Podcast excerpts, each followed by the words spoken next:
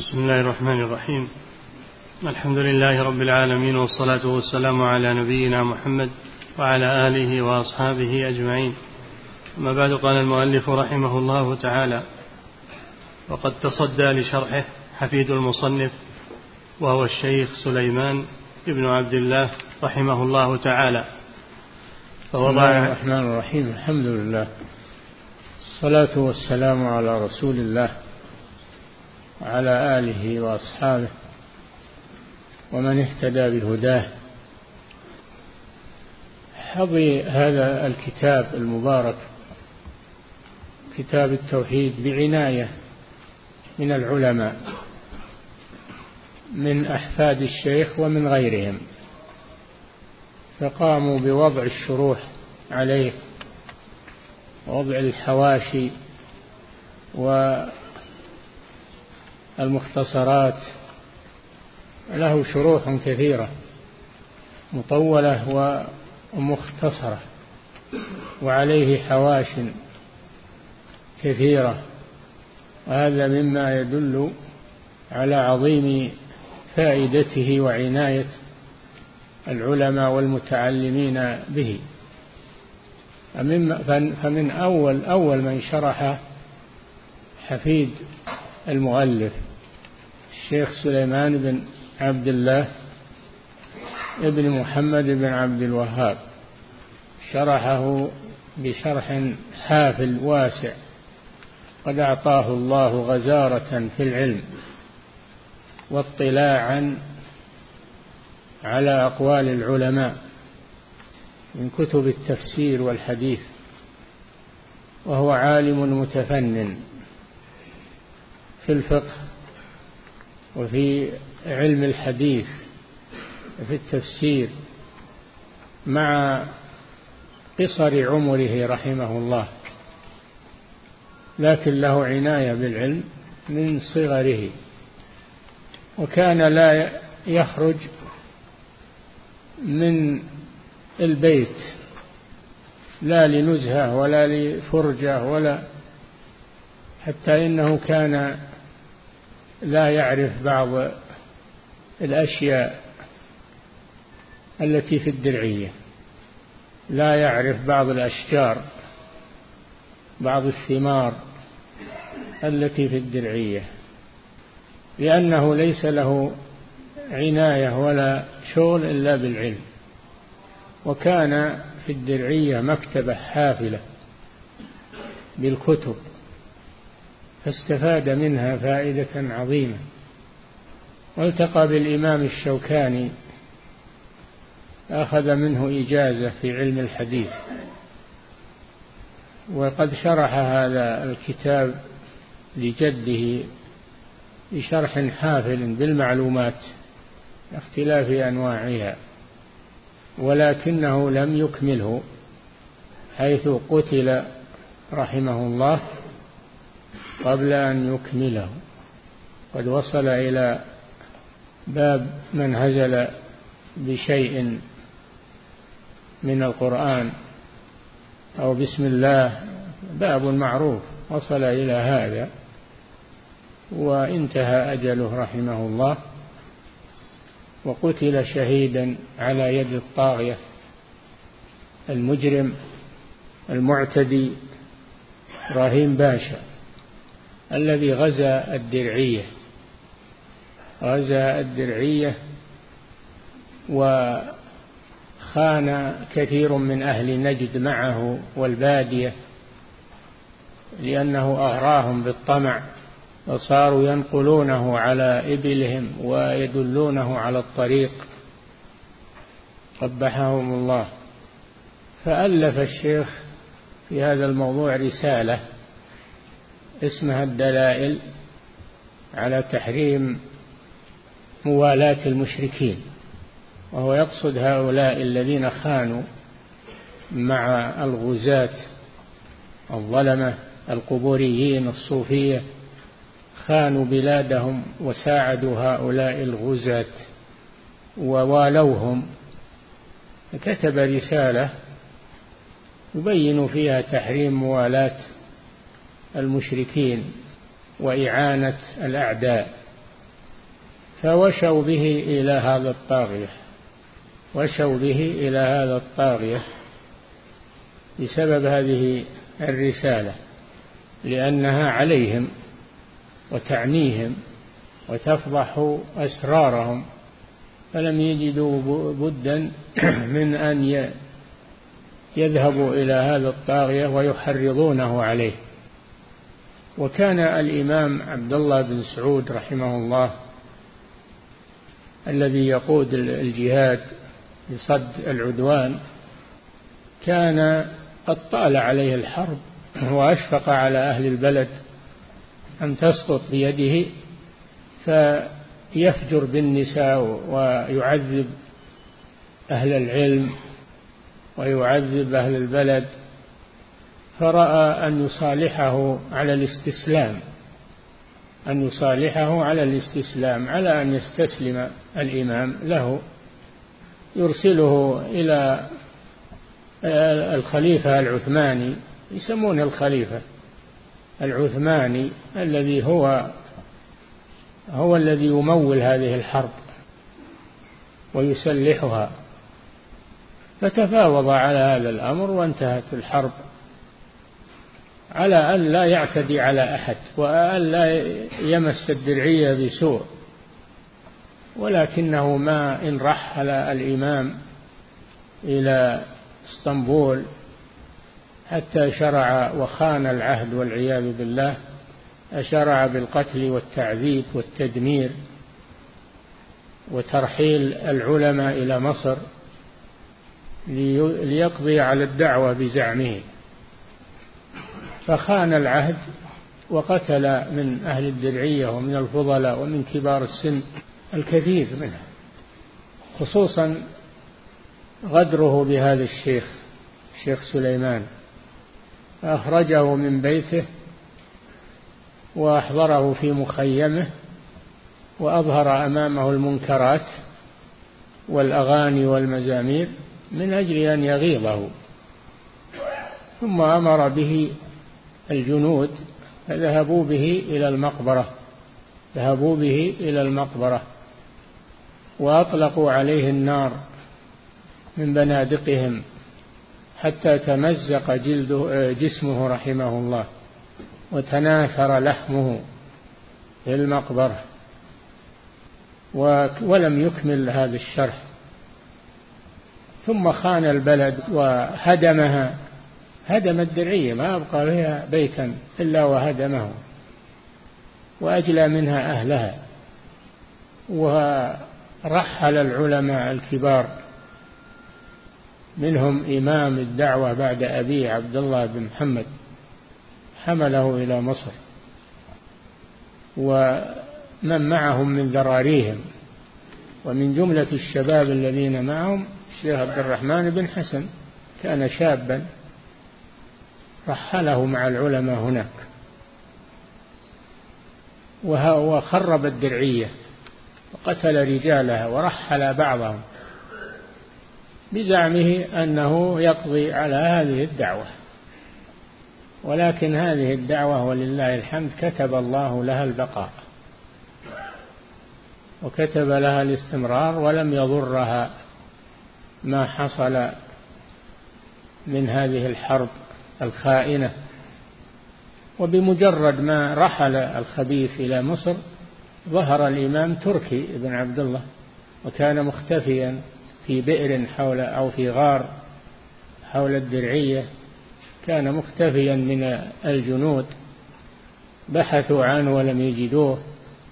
فلما فلما ذهبوا خرج من مخبئه واستبشر الناس به وبايعوه فقاد الجهاد في سبيل الله وعادت الدولة الثانية دعوة التوحيد ودولة التوحيد عادت على يده مرة ثانية. وما كأن وما كأنه حصل شيء على هذه الدعوة. وهذا من لطف الله سبحانه وتعالى. والشاهد من هذا ما جرى لهذا الشيخ الشاب وأنه قتل ولم يكمل هذا الشرح. فجاء بعده الحفيد الثاني الرحمن بن حسن بعدما رجع من مصر وأمسك رئاسة العلماء في في الرياض لأنهم رحلوا من الدرعية صاروا في الرياض. فلما أمسك مشيخة العلماء في الرياض أخذ هذا الشرح لابن عمه وكمله واختصره لأنه شرح مطول لو استمر فيه لبلغ مجلدات. اختصره هذبه وأكمله بفتح المجيد هذا. وأما أصل الشرح وهو تيسير العزيز الحميد فهو موجود والحمد لله ومطبوع موجود ومطبوع والحمد لله. نعم. وقد تصدى لشرحه حفيد المصنف وهو الشيخ سليمان بن عبد الله رحمه الله تعالى فوضع عليه شرحا أجاد فيه وأفاد. نعم أجاد فيه وأفاد وهو مطبوع ومفيد. وبحر من العلم بفنونه نعم. أجاد فيه وأفاد وأبرز فيه من البيان ما يجب أن يطلب منه ويراد.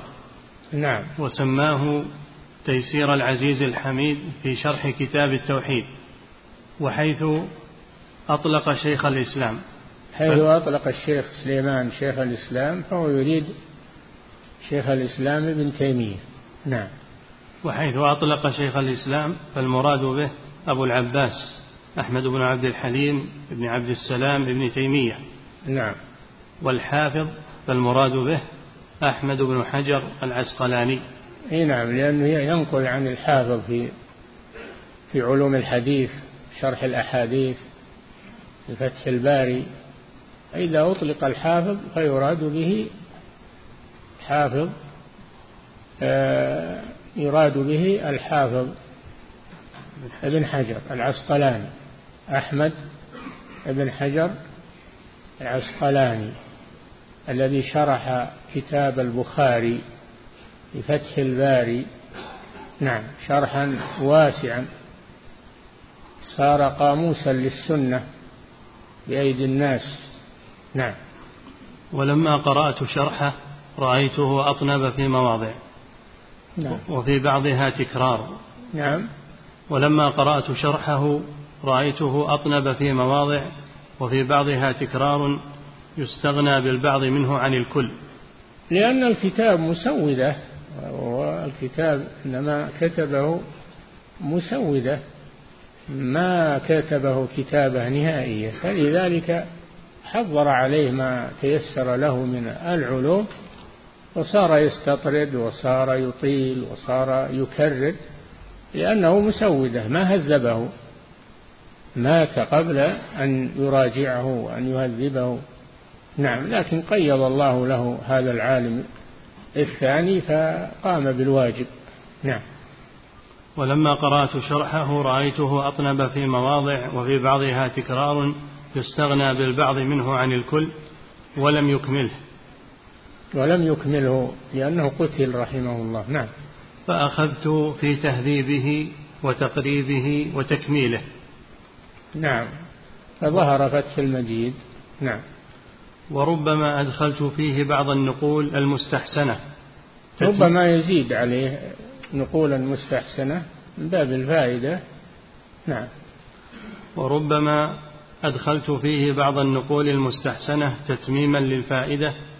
وسميته فتح المجيد لشرح كتاب التوحيد. نعم. والله أسأل أن ينفع به كل طالب علم ومستفيد. نعم.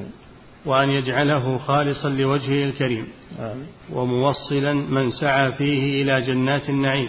آمين. ولا حول ولا قوة إلا بالله العلي العظيم. نعم. قال المصنف رحمه الله تعالى قال المصنف يعني الشيخ محمد بن عبد الوهاب. نعم. بسم الله الرحمن الرحيم. قال في أول كتاب التوحيد بسم الله الرحمن الرحيم. عملا بالسنة أن بسم الله الرحمن الرحيم يبدأ بها في كل أمر له أهمية.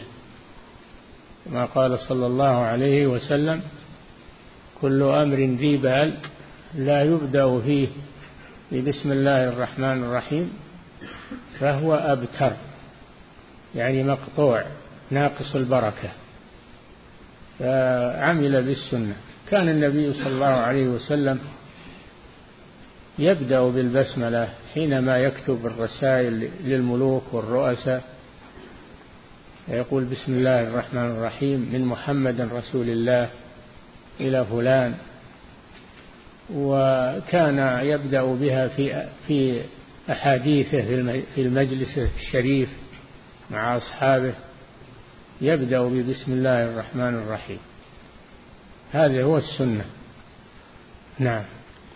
قال المصنف رحمه الله تعالى بسم الله الرحمن الرحيم. بينما كثير من الكتاب اليوم لا أقول كلهم لكن كثير منهم لا يكتبون بسم الله الرحمن الرحيم. في أوائل مصنفاتهم أو مؤلفاتهم. وهذا نقص هذا نقص فيها. نعم. قال المصنف رحمه الله تعالى بسم الله الرحمن الرحيم. الشرح ابتدأ كتابه بالبسملة. نعم. اقتداء بالكتاب العزيز. لأن الله بدأ كتابه ببسم الله الرحمن الرحيم في المصحف. فأول آية في المصحف بسم الله الرحمن الرحيم. أول آية نعم. وعملا بحديث كل أمر ذي بال لا يبدأ فيه ببسم الله الرحمن الرحيم فهو أقطع. أقطع أو أبتر أو أجذم روايات نعم. أخرجه ابن حبان من طريقين قال نعم. ابن الصلاح والحديث حسن. نعم. ولأبي داود وابن ماجه. حكم عليه ابن الصلاح الإمام الجليل المحدث لأنه حسن حديث حسن والحسن ما دون الصحيح وفوق الضعيف. ما دون الصحيح ما دون الصحيح وفوق الضعيف. نعم. ولأبي داود وابن ماجه كل أمر ذي بال لا يبدأ فيه بالحمد لله أو بالحمد فهو أقطع.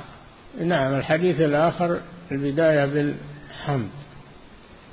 فإذا جمع بينهما فقد استكمل الخير استكمل الخير. بسم الله الرحمن الرحيم. ثم الحمد الحمد لله رب العالمين. وعمل بالحديثين. نعم.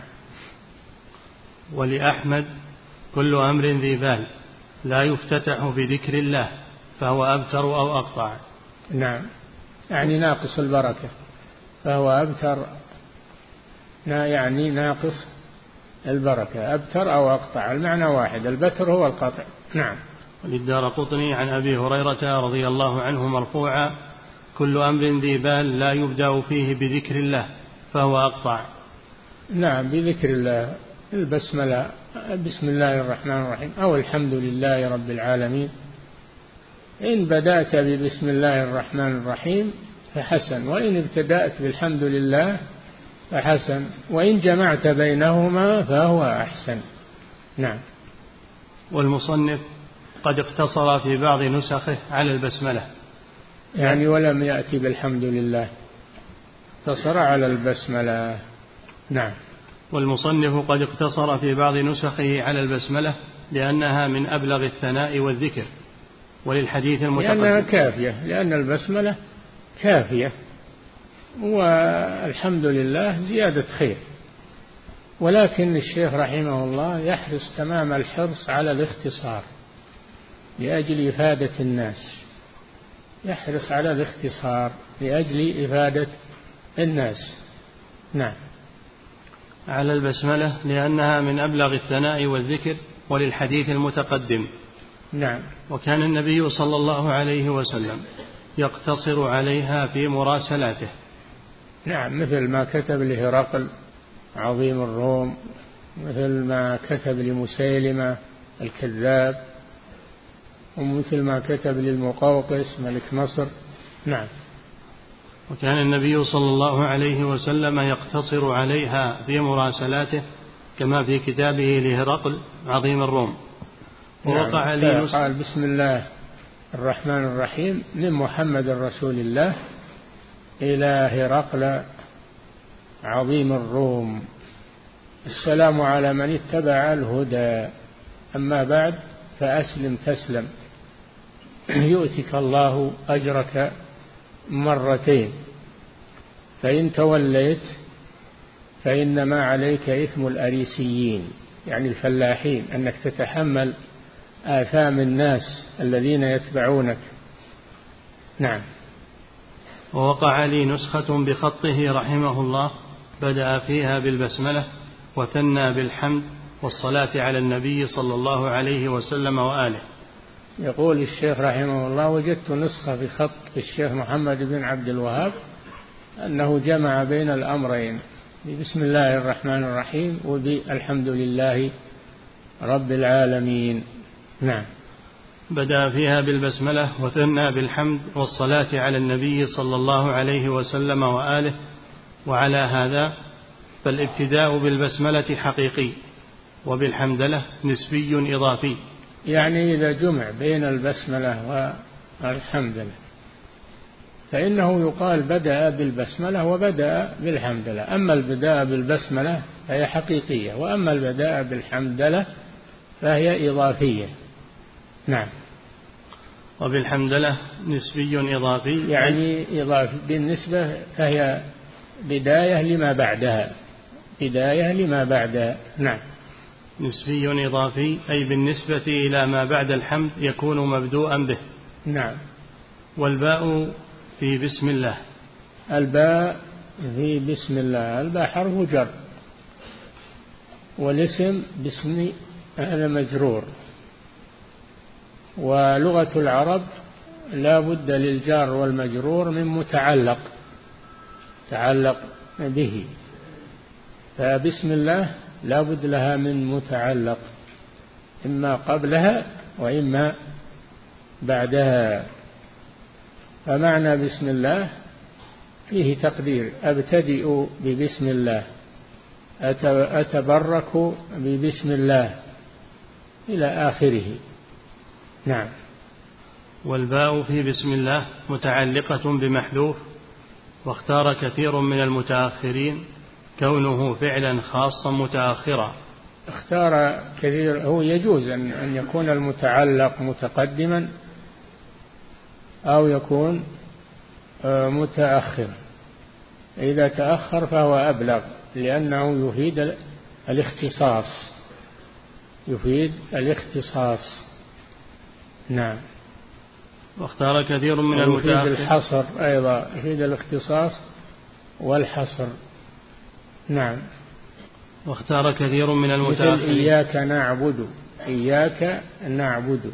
أصلها نعبدك. أصلها نعبدك. ولكنه قدم المعمول إياك على العامل وهو نعبد لأجل الحصر.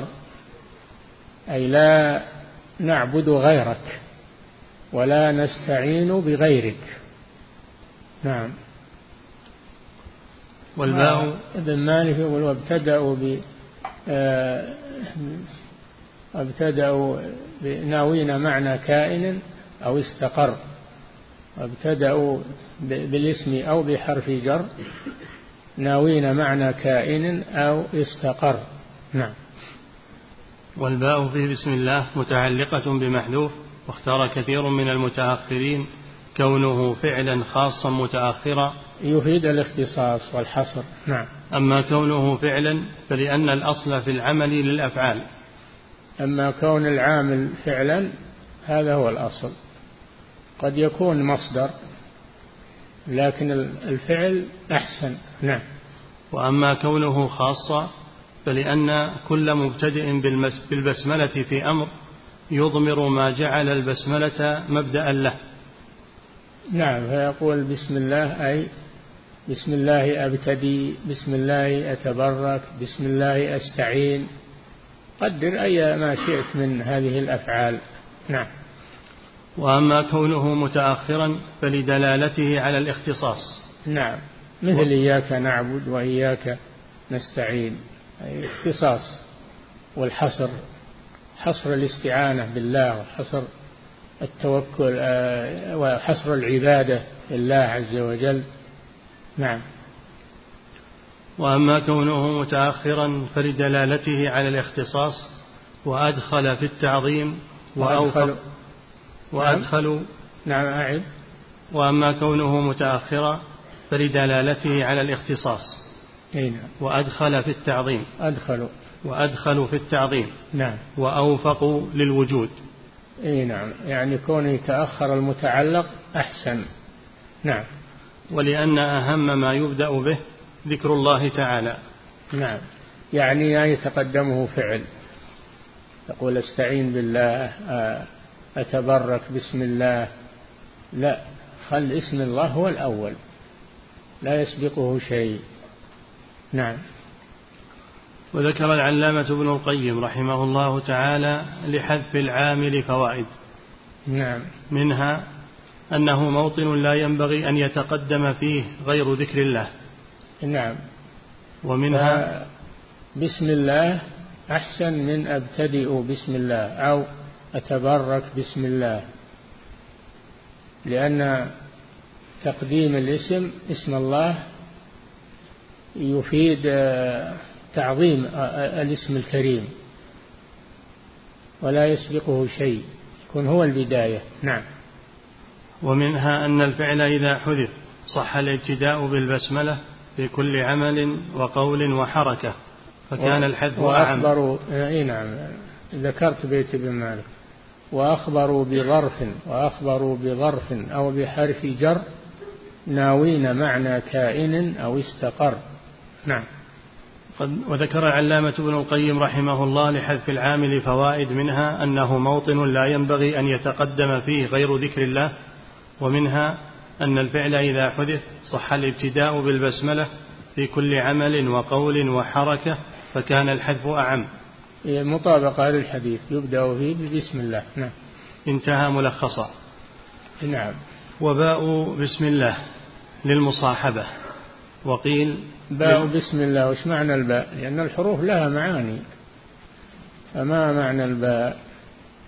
قيل للمصاحبة أي أبتدئ مستصحبا بسم الله مستصحبا بسم الله. وقيل للاستعانة للاستعانة. تقدير أستعين بسم الله أو بسم الله أستعين. بسم الله أستعين. فالباء للاستعانة أو للمصاحبة وكلاهما صحيح. نعم. وباء بسم الله للمصاحبة وقيل للاستعانة فيكون التقدير بسم الله أؤلف حال كوني مستعينا بذكره متبركا به. نعم. وأما ظهوره في اقرأ باسم ربك وفي يعني ظهور المتعلق في مثل قوله اقرأ باسم ربك. ما قال باسم ربك؟ قال اقرأ. ذكر المتعلق. اقرأ باسم ربك سبح اسم ربك الأعلى. فلحالة اقتضت أن يظهر المتعلق لأن هو المقصود. نعم. فلو فلو قال له جبريل باسم ربك ما حصل المقصود. لكن قال له اقرأ باسم ربك. قال ما أنا بقارئ يعني ما أحسن القراءة. هذه أول مرة أول مرة. قال اقرأ قال ما أنا بقارئ. يعني يخبر أنه ليس قارئا ولا كاتبا. ثم قال له في الثالثة اقرأ باسم ربك الذي خلق. نعم. وأما ظهوره في اقرأ باسم ربك وفي بسم الله مجريها فلأن بسم الله مجراها ومرساها هذه قراءة أو بسم الله مجريها ومرساها. فلماذا قدم؟ فلماذا ذكر المتعلق وهو مجريها أو مجراها؟ لماذا ذكر المتعلق؟ لأنه لا يظهر المعنى إلا بذلك. نعم. فلأن المقام يقتضي ذلك كما نعم. لا يخفى. نعم. والاسم مشتق من السمو قال اركبوا فيها بسم الله مجريها ومرساها. لماذا ذكر المتعلق؟ لأن المقام يقتضي هذا. نعم. والاسم مشتق من السمو وهو العلو. ما معنى الاسم؟ الاسم بمعنى الوسم. وهو العلامة. الاسم مأخوذ من الوسم وهو العلامة لأن الإنسان يعرف باسمه كما يعرف بالوسم على الدابة أو من السمو قولان أو من السمو وهو الارتفاع. إما مأخوذ من الوسم وإما من السمو وهو الارتفاع. هذا الاسم نعم. والاسم مشتق من السمو وهو العلو وقيل من الوسم وهو العلامة لأن كل ما سمي فقد نوه باسمه ووسم. وسم بالاسم صار علامة عليه الوسم علامة. نعم. قوله الله قال الكسائي والفراء الله. الله ما معنى الله؟ وما تصريف هذه الكلمة؟ الله بمعنى الإله يعني المعبود. الله يعني المعبود. أصلها الإله. لكن حذفت الهمزة حذفت الهمزة فالتقت اللام مع اللام فأدغمت إحداهما في الأخرى فصار الله. وإلا هو أصله الإله. نعم. وقوله الله قال الكسائي والفراء أصله الإله. الكسائي من أئمة اللغة. نعم. والفراء كذلك من أئمة اللغة. نعم. أصله الإله حذفوا الهمزة وأدغموا اللام في اللام فصارتا لاما واحدة مشددة مفخمة لأنهما متماثلان. هذا من إدغام المتماثلين لأن لامين أدغمت إحداهما في الأخرى فصارت حرفا واحدا مشددا. الله أي الإله. نعم. حذفوا الهمزة وأدخموا اللام في اللام فصارتا لاما واحدة مشددة درسنا اليوم صرف من علم الصرف. نعم. فصارتا لاما واحدة مشددة مفخمة. نعم. قال ابن القيم رحمه الله الصحيح أنه مشتق. وأن أصله الإله. يعني هل الله مشتق ولا جامد؟ الصحيح أنه مشتق لأن الاشتقاق أبلغ من الاسم الجامد. نعم. قال ابن القيم رحمه الله الصحيح أنه مشتق وأن أصله الإله كما هو قول سيبويه وجمهور أصحابه إلا من شد. سيبويه هو إمام النحاة هو إمام النحويين.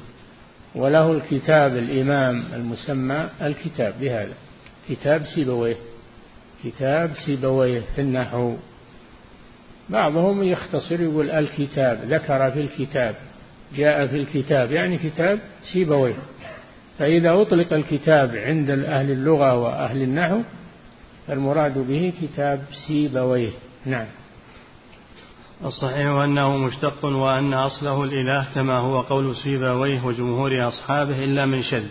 نعم. وهو الجامع لمعاني الأسماء الحسنى والصفات العلى. الله جامع للأسماء الحسنى والصفات العلى. فكلها ترجع إلى الله جل وعلا. نعم. والذين قالوا بالاشتقاق إنما أرادوا أنه دال على صفة له تعالى وهي الإلهية نعم. كسائر أسمائه الحسنى نعم. كالعليم لأن كل اسم من أسماء الله فإنه يتضمن صفة من صفاته ولذلك صارت حسنى الرحمن الرحيم يتضمنان الرحمة والعليم يتضمن العلم السميع يتضمن السمع وهكذا نعم والذين قالوا بالاشتقاق إنما أرادوا أنه دال على صفة له تعالى وهي الإلهية كسائر أسمائه الحسنى كالعليم والقدير. يعني العليم يدل على العلم قدير يدل على القدرة. كل اسم من أسماء الله فإنه يدل على صفة من صفاته. نعم. كالعليم والقدير والسميع والبصير نعم. ونحو ذلك. فإن هذه الأسماء مشتقة من مصادرها بلا ريب. يعني من مصادرها اللي هي السمع والبصر والعلم و... نعم. فإن هذه الأسماء مشتقة من مصادرها بلا ريب وهي قديمة. نعم. ونحن وهي؟ وهي قديمة. قريبة. قديمة. ها؟ قديمة. إي نعم. يعني أزلية. قديمة يعني أزلية بأزلية الله. ليست محدثة ليست هذه الأسماء محدثة وإنما هي أزلية وأبدية. الأول فليس قبله شيء والآخر الأول بأسمائه وصفاته فليس قبله شيء والآخر بأسمائه وصفاته فليس بعده شيء. فهي ملازمة للذات ملازمة للذات.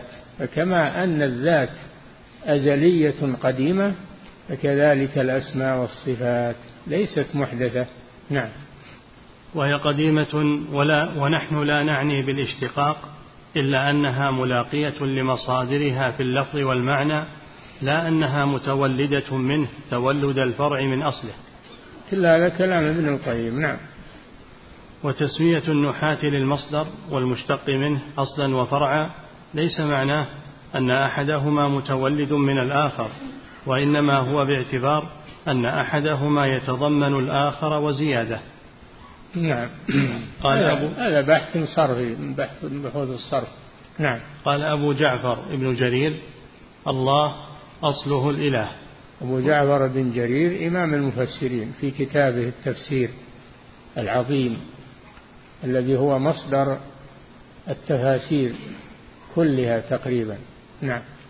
قال أبو جعفر بن جرير الله أصله الإله أسقطت الهمزة التي هي فاء الاسم. هذا الكلام السابق أن الله اسمه الإله وأسقطت الهمزة وأدغمت اللام في اللام صارت مشددة الله. نعم. أسقطت الهمزة التي هي فاء الاسم فالتقت اللام التي هي عين الاسم واللام الزائدة. يعني في الصرف فاء الاسم يعني في الصرف فعل فاعل. هذه صيغة صرفية. فأول الاسم في الصرف يسمى فاء ثانية يسمى عين ثالثه يسمى لام. فعل. نعم. واسقطت الهمزة التي هي فاء الاسم فالتقت اللام التي هي عين الاسم. نعم. واللام الزائدة وهي ساكنة فأدغمت في الأخرى فصارتا في اللفظ لاما واحدة مشددة انتهى. هذا كلام من جرير. رحمه الله. نعم. وقال وأما تأويل الله فإنه على معنى ما روي لنا. عن عبد الله بن عباس. قال يعني ابن جرير. قال يعني ابن ابن جرير. نعم. وقال وأما تأويل الله. يعني ف... تفسير. ابن جرير ما هو يقول تفسير الآية أو تفسير القرآن يقول تأويل. لأن لأن التأويل عند المتقدمين هو التفسير.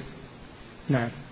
وأما تأويل الله فإنه على معنى ما روي لنا. عن عبد الله بن عباس رضي الله عنهما هو الذي يألهه كل شيء ويعبده كل خلق يألهه كل شيء يعني يحبه كل شيء يعبده كل شيء لأن الإله معناها العبادة. فالله هو المألوه يعني المعبود. نعم. عن عبد الله بن عباس هو الذي يأله كل شيء. يعني يعبده كل شيء ويحبه كل شيء. نعم. ويعبده كل خلق. نعم. وساق بسنده عن سواء عبادة اختيارية أو عبادة اضطرارية. إن كل من في السماوات والأرض إلا آتي الرحمن عبدا. كلهم حتى الكفار والمشركون عبيد بمعنى العبودية العامة لأنهم خاضعون لله. منقادون لأوامره الكونية تدبيراته الربانية. لا يخرج أحد عن تدبير الله عز وجل لا الكافر ولا المسلم. نعم. وأما العبودية الخاصة اللي هي التي هي فعل الأوامر وترك النواهي هذه خاصة بالمؤمنين هذه عبودية خاصة. نعم. وساق بسنده. وهذه اختيارية العبودية الخاصة هذه اختيارية. ما هي بإجبارية نعم. وساق بسنده عن الضحاك عن عبد الله بن عباس رضي الله عنهما قال الله. ساق يعني ابن جرير لا يزال الكلام لابن جرير نعم. وساق بسنده عن الضحاك عن عبد الله بن عباس رضي الله عنهما قال الله ذو الألوهية والعبودية على خلقه أجمعين. ذو الألوهية والعبودية على خلقه أجمعين وهذه هي العبارة التي ذكرها الشيخ محمد بن عبد الوهاب في ثلاثة الأصول. نعم. فإن قال لنا قائل وما دل على أن الألوهية هي العبادة؟ يكفي. نقف عند هذا. نعم. فضيلة الشيخ وفقكم الله يقول هل هناك فرق بين الشرح على الكتاب وبين الحاشية عليه؟ حاشية مختصرة الشرح مبسط. نعم. فضيلة الشيخ وفقكم الله يقول هناك بعض العلماء ينكرون كثرة الشروح على كتاب معين لأنه بذلك تهجر الكتب الأخرى التي تحتاج إلى شرح. فهل ما يذكرونه صحيح؟ هؤلاء جهال ما يعرفون قيمة الكتب. ما يعرفون قيمة الكتب. كتب تختلف. ما هي على حد سواء. بعضها أوسع بعضها أعمق في العلم. بعضها آصل في العلم. تختلف الكتب كل على حسب ما آتاه الله عز وجل. كثرة الشروح فيها زيادة خير وزيادة فائدة. نعم. كل ما كثر العلم فهو خير. نعم. فضيلة الشيخ وفقكم. ولكن هذا ربما أن في نفسه شيء على كتاب التوحيد فهو يحسده على كثرة الشروح التي عليه. نعم. فضيلة الشيخ وفقكم الله يقول هناك من ينكر على بعض طلاب العلم الذين يتدارسون كتب العقيدة والتوحيد ويقول لهم لماذا لا تتدارسون القرآن؟ وعندما أخبرته بقول النبي صلى الله عليه وسلم للخوارج أنهم يقرؤون القرآن لا يجاوز تراقيهم لأن عقيدتهم مخالفة القرآن أنكر علي. وقال لا بد من تعلم القرآن أولا ثم غيره من العلوم. فهل ما يقوله صحيح؟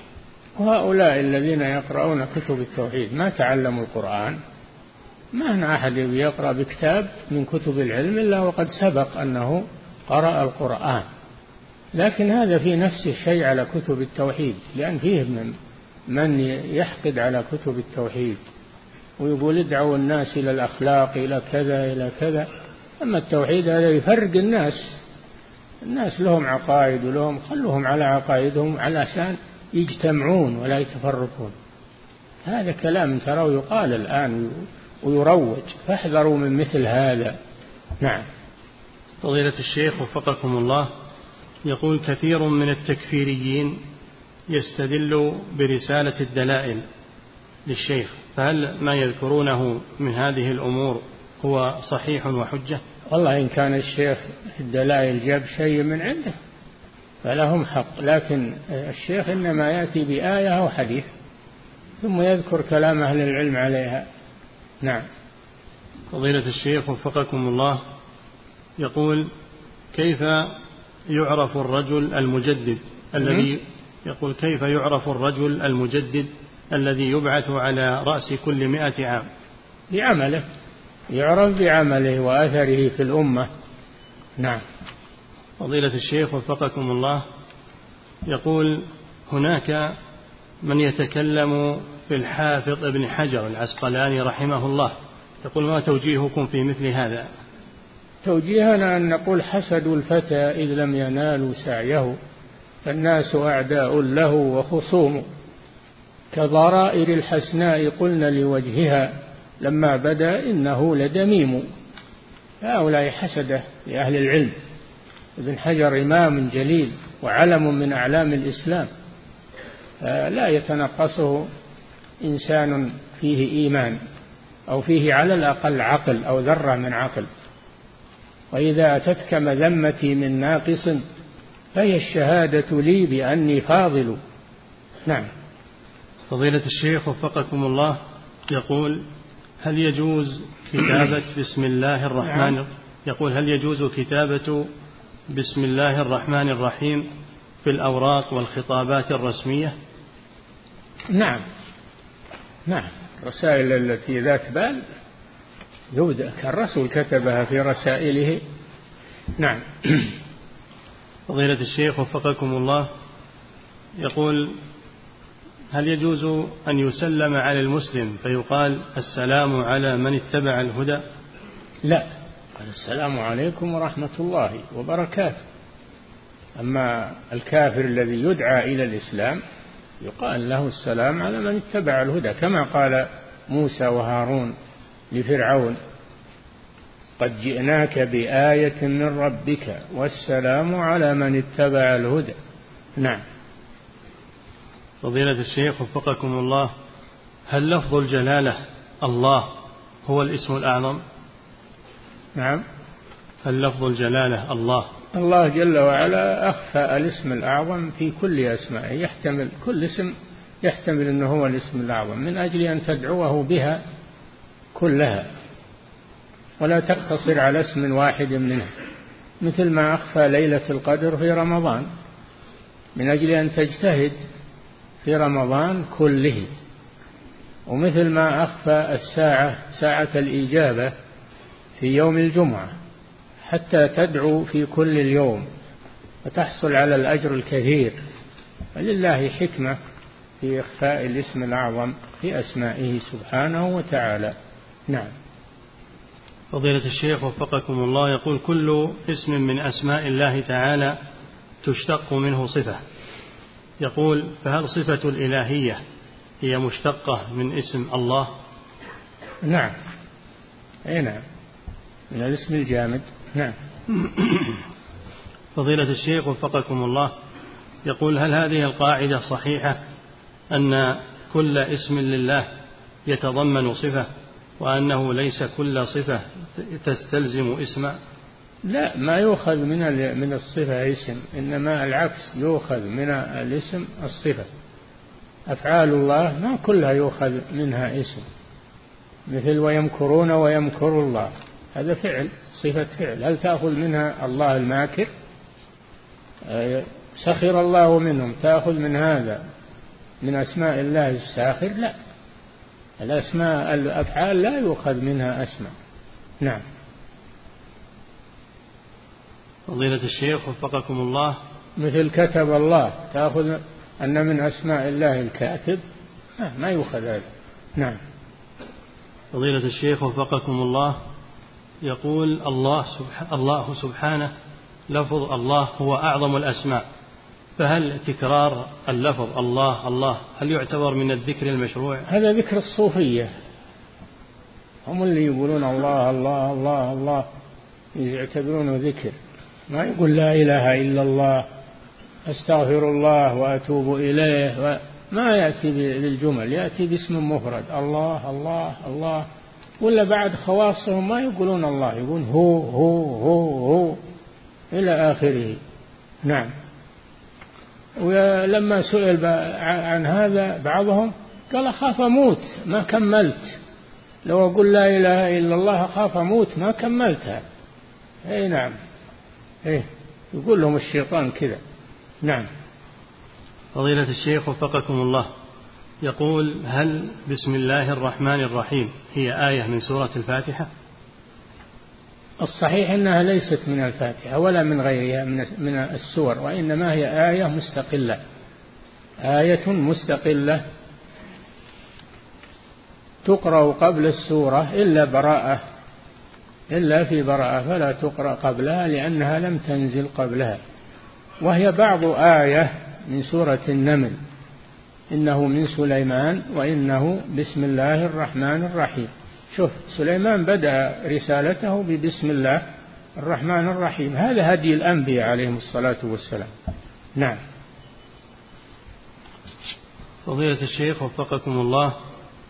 يقول هل يجوز للإنسان في الوقت المعاصر أن يقول الله ورسوله أعلم؟ لا يقول الله أعلم. هذا يقال في حياة الرسول صلى الله عليه وسلم. أما بعد موته فلا يقال قال الله أعلم. نعم. فضيلة الشيخ وفقكم الله يقول ذكرتم حفظكم الله في درس سابق أن المرأة في صلاتها تكشف وجهها. يقول ما حد الوجه في الشرع. حد الشرع حد الوجه في الشرع من منابت شعر الرأس إلى الذقن إلى من حدر من الذقن. طولا. وأما عرضا فمن الأذن إلى الأذن. نعم. كما حددوه في الوضوء. كذا. نعم. وفضيلة الشيخ وفقكم الله ما معنى ما ورد في الحديث الأنبياء إخوة علات وأمهاتهم شتى أو كما قال يعني الإخوة للعلات هم الأخوة من الأب. وأمهاتهم يعني أب له زوجات عدة كل واحدة لها ابن. إيش يصيرون ذولا؟ إخوة من الأب. وأمهاتهم متعددة مثل الأنبياء. دينهم واحد وهو التوحيد وشرائعهم متعددة. نعم شرائعهم متعددة. نعم.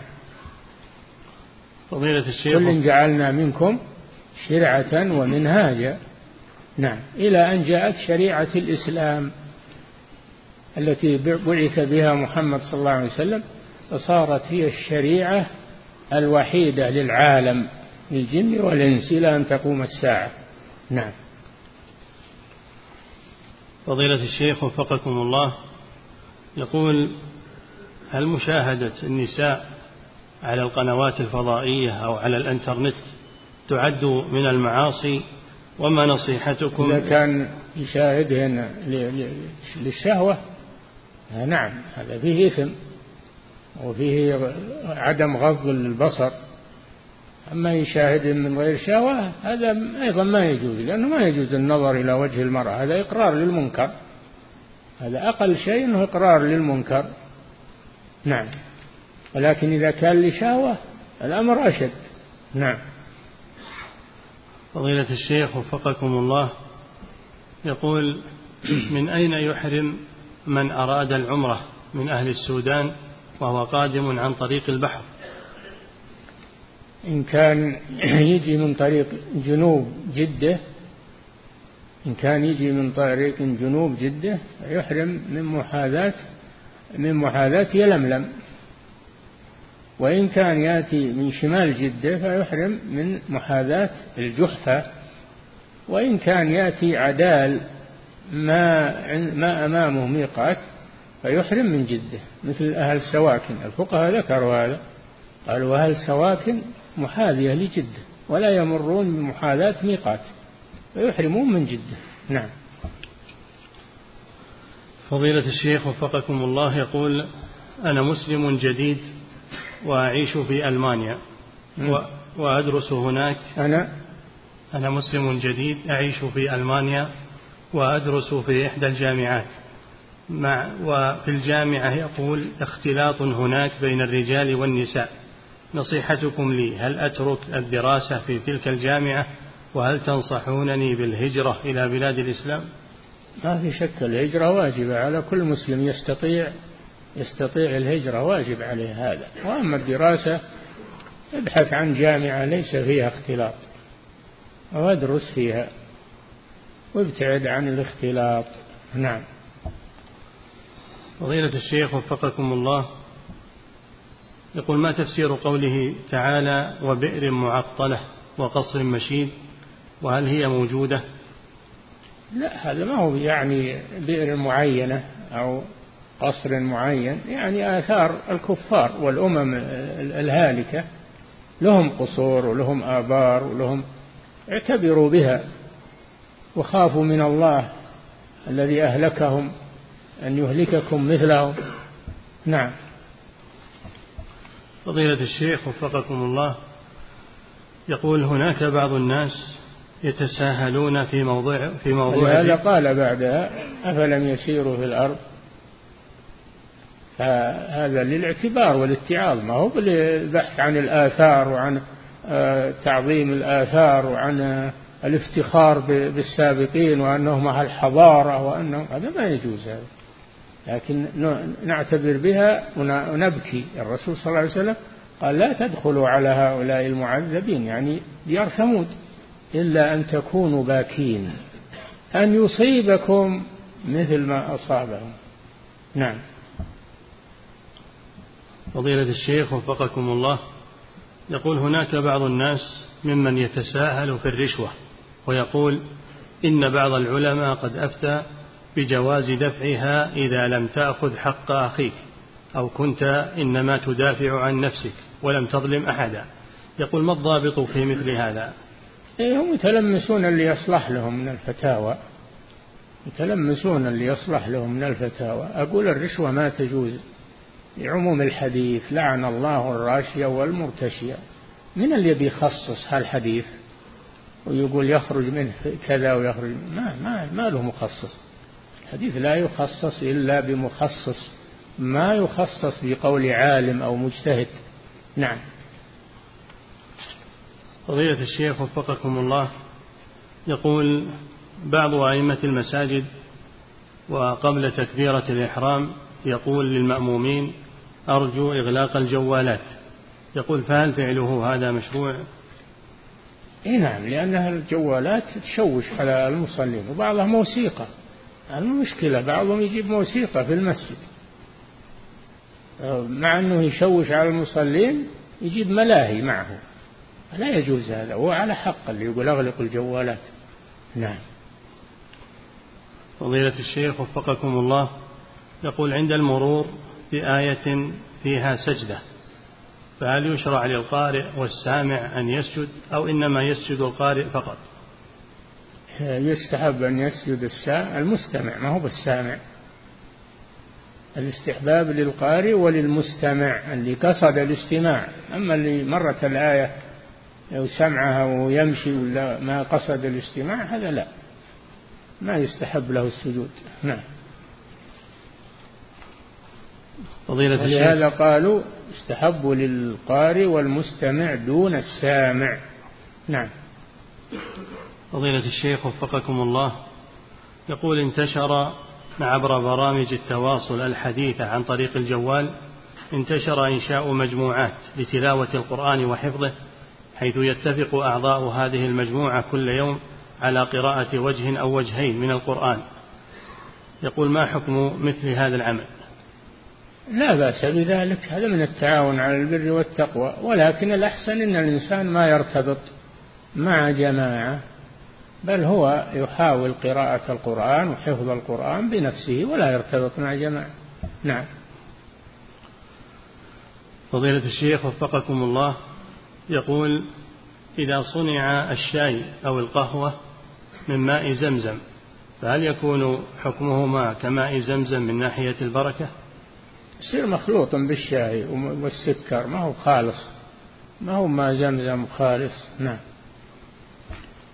فضيلة الشيخ وفقكم الله يقول ما موقف المسلم من الإسرائيليات التي تروى؟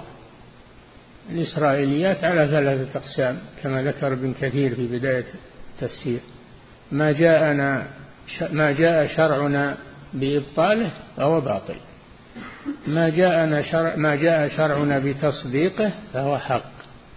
ما سكت عنه شرعنا فنسكت عنه. إذا حدث بنو إسرائيل فلا تصدقوهم ولا تكذبوهم. وقولوا آمنا بالذي أنزل إلينا وأنزل إليكم وإلهنا وإلهكم واحد ونحن له مسلمون.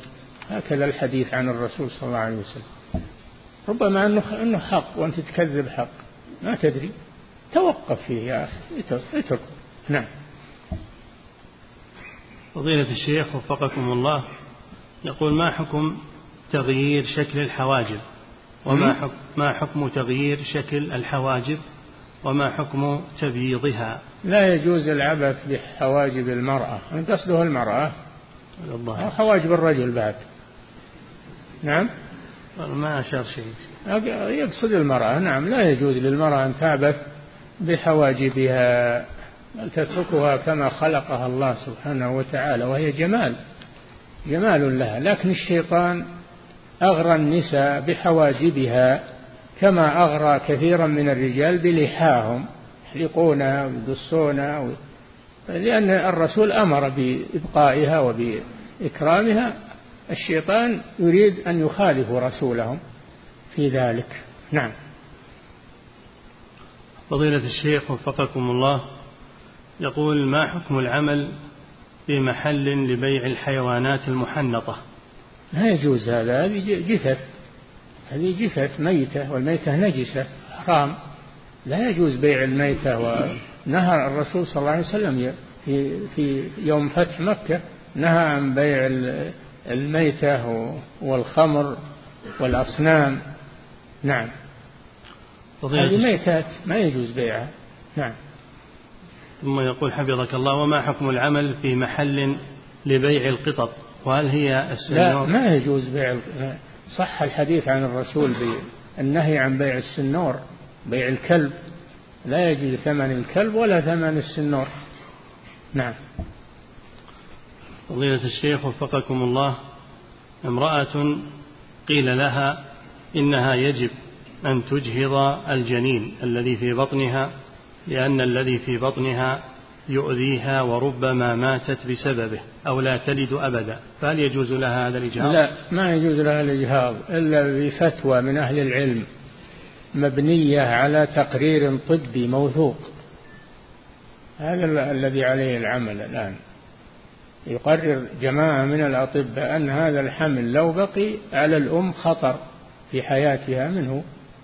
حينئذ المسؤولون عن الفتوى يفتون بجوازه. ما هو كل واحد يفتي وتسقط النساء أو امرأة على هواه تسقط اللي ما تبي وتخلي اللي تبي ما يجوز هذا. الحمل له حق. نعم. فضيلة الشيخ وفقكم الله امرأة مر على وضعها للحمل حوالي خمسين يوما ولا يزال ينزل عليها أو منها ماء أصفر. فهل تصلي أم ماذا تصنع؟ نعم تغتسل وتصلي. ما بعد الخم... ما بعد الأربعين ما بعدها نفاس. أكثر مدة النفاس إلى أربعين يوما. فتغتسل وتصلي. نعم. فضيلة الشيخ وفقكم الله يقول أنا هاجرت من بلد الكفر إلى هذه البلاد المملكة. يقول أنا هاجرت من بلاد الكفر إلى هذا البلد المملكة. والآن زوجتي محتاجة للعلاج والعلاج يكلف كثيرا. يقول هل أجلس في هذا البلد الأمين ومن الممكن أن تموت زوجتي بسبب عدم علاجها؟ لا يا أخي لا يا أخي روح عالجه روح عالجه ولا منك عالجته تجي أنت وياه. أهل البلد إذا احتاجوا للسفر للعلاج يسافرون هذا هم يعالجون. هذا مباح مباح السفر لأجل العلاج. نعم. فضيلة الشيخ وفقكم الله. يقول والدي أصيب والدي أصيب بالسحر. يقول والدي أصيب بالسحر فذهب إلى مشعوذ فأعطاه ورقة مكتوب فيها كلمات لا تعرف. فوضعها والدي بجانب البيت. سؤاله ما حكم عمل والدي هذا؟ وماذا أصنع أنا بالورقة التي دفنها بجانب المنزل؟ هل أتلفها أم فقط أقوم بالمناصحة؟ لا اجمع بين الأمرين. ناصحه وقل أريحك من هالورقة لأنها ضرر عليك وضرر على أهل بيتك. وأنت ما يجوز لك هذا. ناصحه أول ثم أحرق الورقة. نعم. فضيلة الشيخ وفقكم الله. يقول السائل شخص طلب مني مبلغ ثلاثين ألف ريال نعم. سعودي ليشغلها في محل. على أن يعطيني ألفي ريال شهريا سواء ربح أو خسر. وهذا المبلغ الألفين ريال يعطيني إياها باستمرار فإذا رجع أو حصل شيء فإنه يعيد لي المبلغ كاملا ويضمن ذلك. هل هذا جائز؟ هذا ما يجوز. المضاربة المضاربة أن تدفع مالا لمن يتاجر به بجزء من الربح. بينكما وإذا لم يحصل ربح فلا شيء له ولا لك. ورأس المال يرد عليك إذا انتهى إذا انتهى عقد الشركة يرد عليك. رأس المال إن كان موجودا أو بعضه أو إذا لم يوجد شيء فليس لك شيء. ليس لك عليه شيء. وأما فرض مقدار معين هذا لا يجوز هذا حرام. نعم. تقول لك الربع الربح لك نصفه لك عشره ما يخالف. ما تقول لك مئة ريال ألف ريال ما يجوز هذا. حرام. تبطل الشركة بهذا. نعم. فضيلة الشيخ وفقكم الله. يقول هل يجوز أن يبتدأ الكلام بقول بعضهم باسم الشعب أو يفتتح أو يفتتح الشيء؟ إذا كان الشعب هو الله يقال باسم الشعب. إنما يقال بسم الله ما يقال باسم الشعب. نعم. هذا كلام الليبراليين والديمقراطيين اللي يقولون الحكم للشعب. حتى الله ما له حكم حكم للشعب. نعم. الله ما له حكم فكيف كيف بولي الأمر كيف بالملك؟ ما له حكم حكم للشعب يقولون. نعم. فضيلة الشيخ وفقكم الله. يقول ما حكم ترقيم القبور؟ وضع أرقام عليها. ها؟ ما حكم ترقيم القبور؟ لا ما يجوز. هذه كتابة. الأرقام كتابة. ما يجوز وضع أرقام عليها. يوضع عليها علامة. ما يعرفها إلا من وضعها. يضع عليها علامة مثل خط ولا حجر. يضع عليها حجر بلكة أو شيء يعرفه هو. نعم. فضيلة الشيخ وفقكم الله يقول من المعروف أن ذبح الهدي. بعد أداء العمرة هو من السنن المهجورة فهل يشترط أن يكون الهدي من الحل أو يجوز نعم الهدي لا يكون إلا من الحل ما هو يشرى من من مكة؟ هدي التطوع ما هو بيشرى من مكة؟ التطوع ما هو بيشرى من مكة يساق من الحل. أما الهدي الواجب هذا يشرى من مكة ما في مانع. للنسك هدي التمتع هدي القيران هذا يشرى من مكة ويذبح من الحرم ما يخالف. أما هدي التطوع فلا بد أن يساق من الحل. نعم. فضيلة الشيخ وفقكم الله يقول ما حكم نحر الخيل وأكل لحمه؟ جائز. حديث أسماء رضي الله عنها قالت نحرنا فرسا على عهد رسول الله صلى الله عليه وسلم فأكلناه. هذا إقرار من الرسول صلى الله عليه وسلم.